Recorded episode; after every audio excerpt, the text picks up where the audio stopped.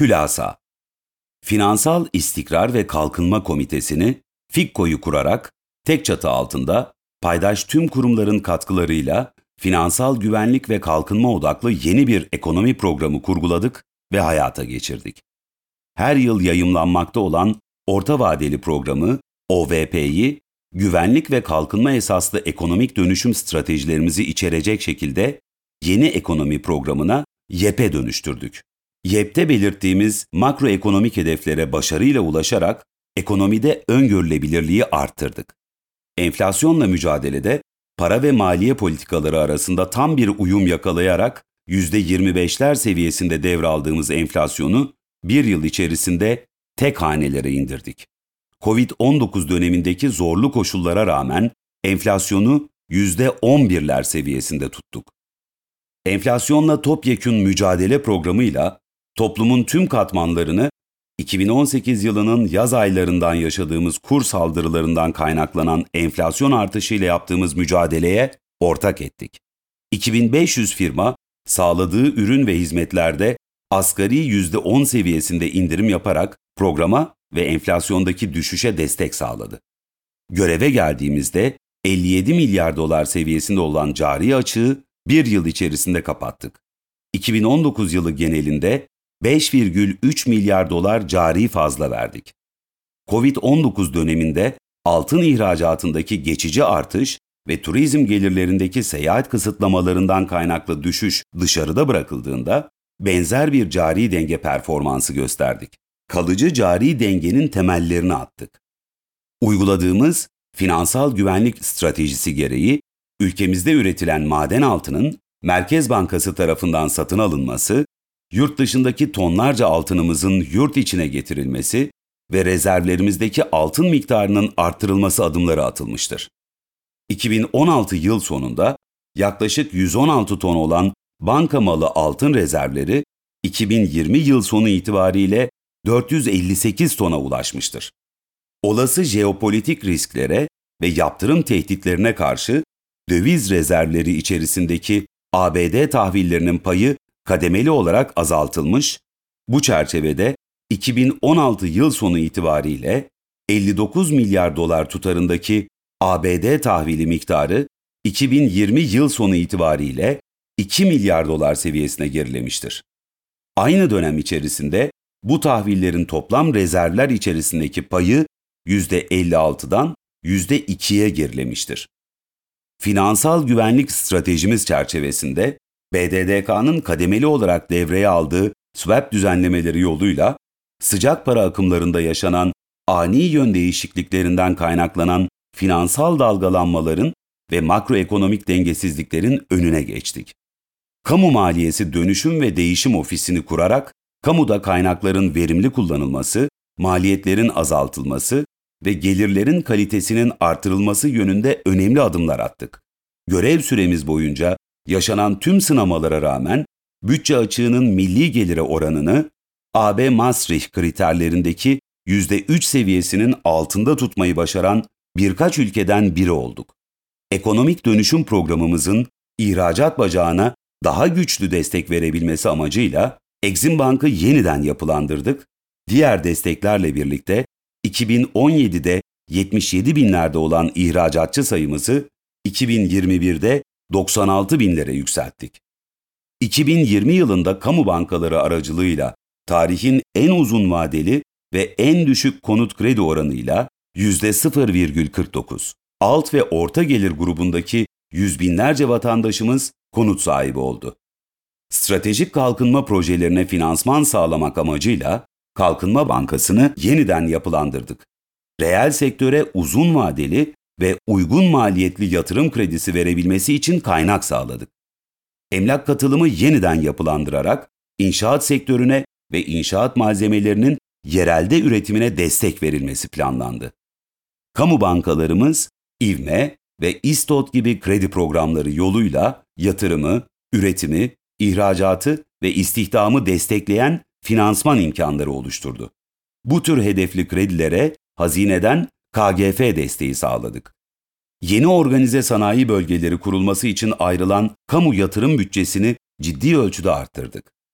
reel sektöre kamu bankaları eliyle sağlanan kredilerin amacına uygun şekilde kullanılmasına yönelik olarak mekanizmalar oluşturduk.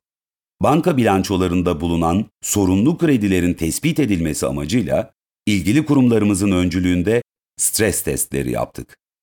Mali sıkıntı yaşamakla birlikte katma değer oluşturan reel sektör firmalarının faaliyetlerine sorunsuz devam edebilmesi için finansal borçların yeniden yapılandırılması kanununu hazırladık. Bu kapsamda Türkiye Bankalar Birliği bünyesinde firmalara sunulacak yapılandırma sözleşmelerine dair çerçeve anlaşmaları hazırlattık. Adalet Bakanlığı ile birlikte icra iflas sisteminin daha hızlı ve etkin bir şekilde işlemesine yönelik olarak bir kanun paketi hazırladık. Finansal uyuşmazlıklara daha hızlı ve etkin çözümler getirilmesi amacıyla Adalet Bakanlığı ile işbirliği içerisinde ihtisas mahkemeleri kurulmasına yönelik adımlar attık. Bankalarda 100 milyon TL'den fazla riski bulunan şirketlere her yıl bağımsız denetimden geçmiş mali tablo hazırlayarak bankalarına sunma zorunluluğu getirdik. Bankalarda 500 milyon TL'den fazla riski bulunan şirketlere bağımsız bir kredi derecelendirme şirketinden kredi notu alma zorunluluğu getirdik.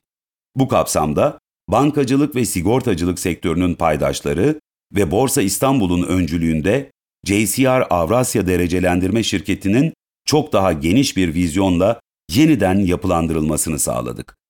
Katılım finans sektörünü büyütmek amacıyla sermaye artışı ve şirket birleşmeleri yanında mevzuat altyapısını değiştirmeyi de içeren kapsamlı bir stratejik plan hazırladık. Halkımızın faizsiz ev ve araba almak amacıyla birikimlerini yatırdığı tasarruf finansman şirketlerini BDDK denetimi altına aldık. Böylece olası mağduriyetlerin önüne geçmiş olduk. Vatandaşlarımızın ve reel sektörümüzün sıklıkla şikayet ettiği banka ücret komisyon oranlarına sınırlamalar getirdik. Gayrimenkul değerleme şirketlerine yönelik mevzuat değişiklikleri yoluyla bankacılık sektöründe teminata konu olan varlıkların daha doğru değerlenmesini, risklerin daha doğru ölçülmesini, kredi kapasitesinin daha doğru belirlenmesini sağladık. Kamu bankalarımızın yürüttüğü ortak ATM projesi yoluyla yıllık 1 milyar TL civarında tasarruf sağlanmasının önünü açtık. Pandemi döneminde BDDK tarafından devreye alınan aktif rasyo uygulaması yoluyla tüm bankaları ekonomik aktörlerin ihtiyaç duyduğu finansman ve yapılandırma imkanlarını sağlamaya yönlendirdik. Pandemi döneminde tarihin en uzun vadeli konut kredileri yoluyla konut satışında rekorlar kırdık. Böylece inşaat sektörünün birikmiş stoklarını eritmesini, banka borçlarını kapatmasını, yeni projelerle istihdamı desteklemesini sağladık. Sigortacılık sektöründe etkin bir düzenleme ve denetim sistemi oluşturmak amacıyla Sigortacılık ve Özel Emeklilik Düzenleme ve Denetleme Kurumu'nu kurduk. Kamu sigorta ve bireysel emeklilik şirketlerini ölçek ekonomisi oluşturmak, verimliliği arttırmak ve maliyeti düşürmek amacıyla Türkiye Sigorta çatısı altında birleştirdik.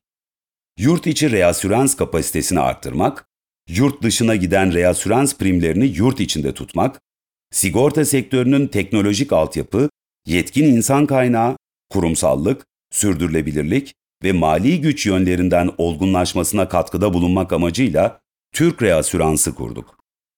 Devlet destekli alacak sigortasını devreye aldık. Böylece KOBİ'lerin ticari alacaklarına güvence sağladık. Bireysel emeklilik sistemini açık mimari kurgusuyla yeniden şekillendirecek, daha etkin ve katılımcıların beklentilerini daha iyi karşılayacak şekilde yapılandıracak bir reform hazırladık. Yurt dışında yerleşik Türk vatandaşlarına ve 18 yaşından küçüklere bireysel emeklilik sistemine katılma imkanı getiren düzenlemeler hazırladık.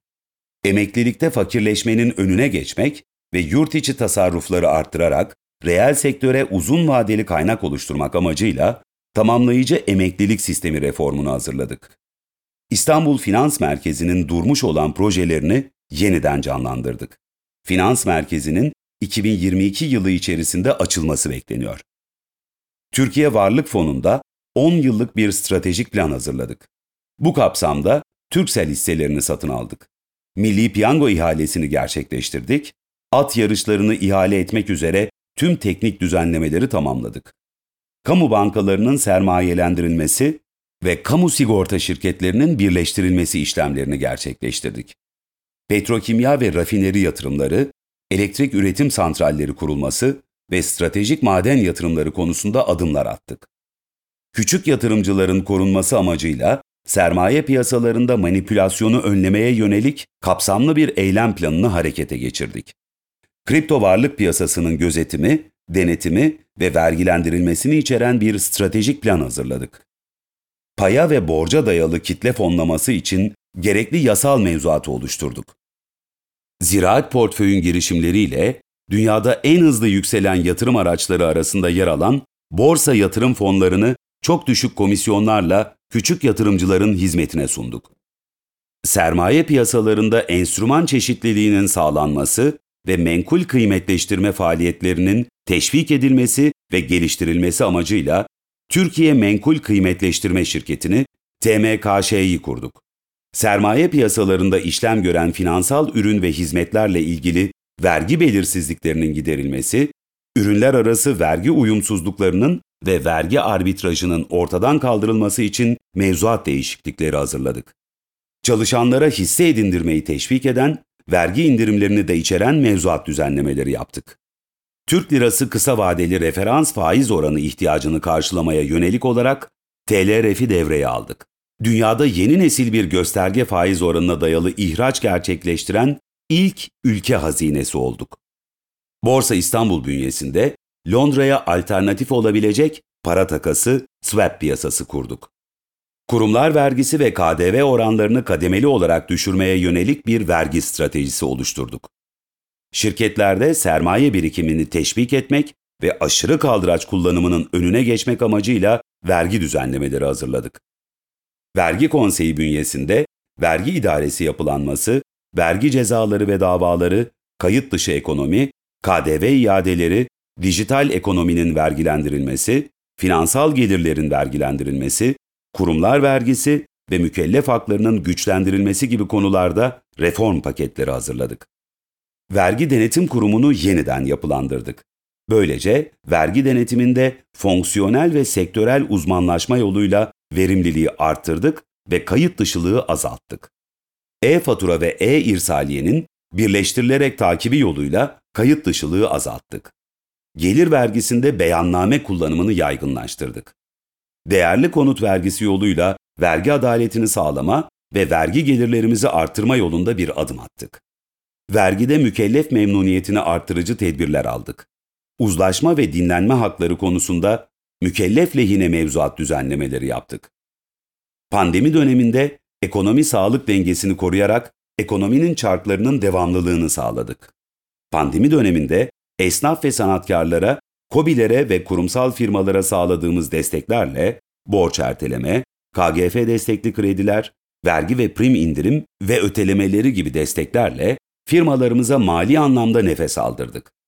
Pandemi döneminde kısa çalışma ödeneğinin kapsamını genişleterek bir işsizlik dalgası oluşmasının önüne geçtik. Pandemi döneminde Turizm Bakanlığımızla güvenli turizm sertifikası yoluyla turizm gelirlerimizin devamlılığını sağladık. İstihdamı artırma amacıyla Aile Çalışma ve Sosyal Hizmetler Bakanlığı'yla bir esnek çalışma yasa tasarısı hazırladık. İstihdamı arttırmak ve ekonominin dijital dönüşümü için gerekli insan kaynağını yetiştirmek amacıyla 1 milyon yazılımcı projesini hayata geçirdik. Alternatif iş kolları oluşturmak ve istihdamı artırmak amacıyla e-ihracat ve ev esnaflığını kolaylaştıran mevzuat düzenlemeleri ve vergi indirimleri yaptık. Tarladan sofraya gıdanın ulaştırılması konusunda yaşanan aksaklıkları gidermek amacıyla ilgili bakanlıklarımızla birlikte hal yasası ve perakende yasası taslağı hazırladık. Gıda enflasyonuyla mücadele etmek amacıyla Türk Şeker Tarımı AŞ'yi yeniden yapılandırdık ve şeker dışında diğer ürünlerde sözleşmeli tarım uygulamaları başlattık. Vatandaşlarımızın ucuz ve kaliteli gıdaya ulaşımını temin etmek amacıyla Tarım Kredi Kooperatifini yeniden yapılandırdık, sözleşmeli tarım uygulamalarını yaygınlaştırdık, perakende sektöründe rekabeti arttırmak amacıyla ülke çapına yayılan bir marketler zinciri oluşturması için adım attık. 2019 yılındaki yerel seçimler öncesinde herhangi bir ekonomik temele dayanmayan gıda fiyatı artışlarına karşı vatandaşlarımızı koruma amacıyla büyük şehirlerde belediyelerle ortak tanzim satışları başlattık.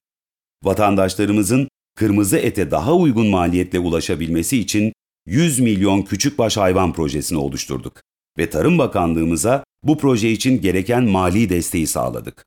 Tarımsal sulama projelerine ayrılan bütçeyi yıllık 5 milyar TL'den 25-30 milyar TL seviyesine çıkardık. En kritik 100 projeyi hızlandırdık. Turizm Bakanlığımızla birlikte Turizm Master Planı ve Ulaştırma Bakanlığımızla birlikte Lojistik Master Planı hazırladık. Böylece turizm ve ulaştırmada ülkemizin uzun vadeli hedef ve stratejilerini ortaya koyduk. Şehir hastaneleri projelerinde sözleşmelerinde değişiklikler yaparak kira ödemelerini azalttık, işletme sürelerini kısalttık, böylece milyarlarca TL'lik büyük tasarruflar elde ettik. Bilgi Teknolojileri Genel Müdürlüğü'nü kurarak kamunun BT harcamalarında önemli ölçüde tasarruf ettik. Bakanlığımız bünyesinde yetkinlik ve performans odaklı insan kaynakları dönüşümünü başlattık. Kamu finansman araçlarını çeşitlendirdik. Altına dayalı tahvil ve kira sertifikası ihraçlarını yaygınlaştırdık. Dünyada ilk defa gecelik referans faiz oranına dayalı kamu tahvil ihracını gerçekleştirdik.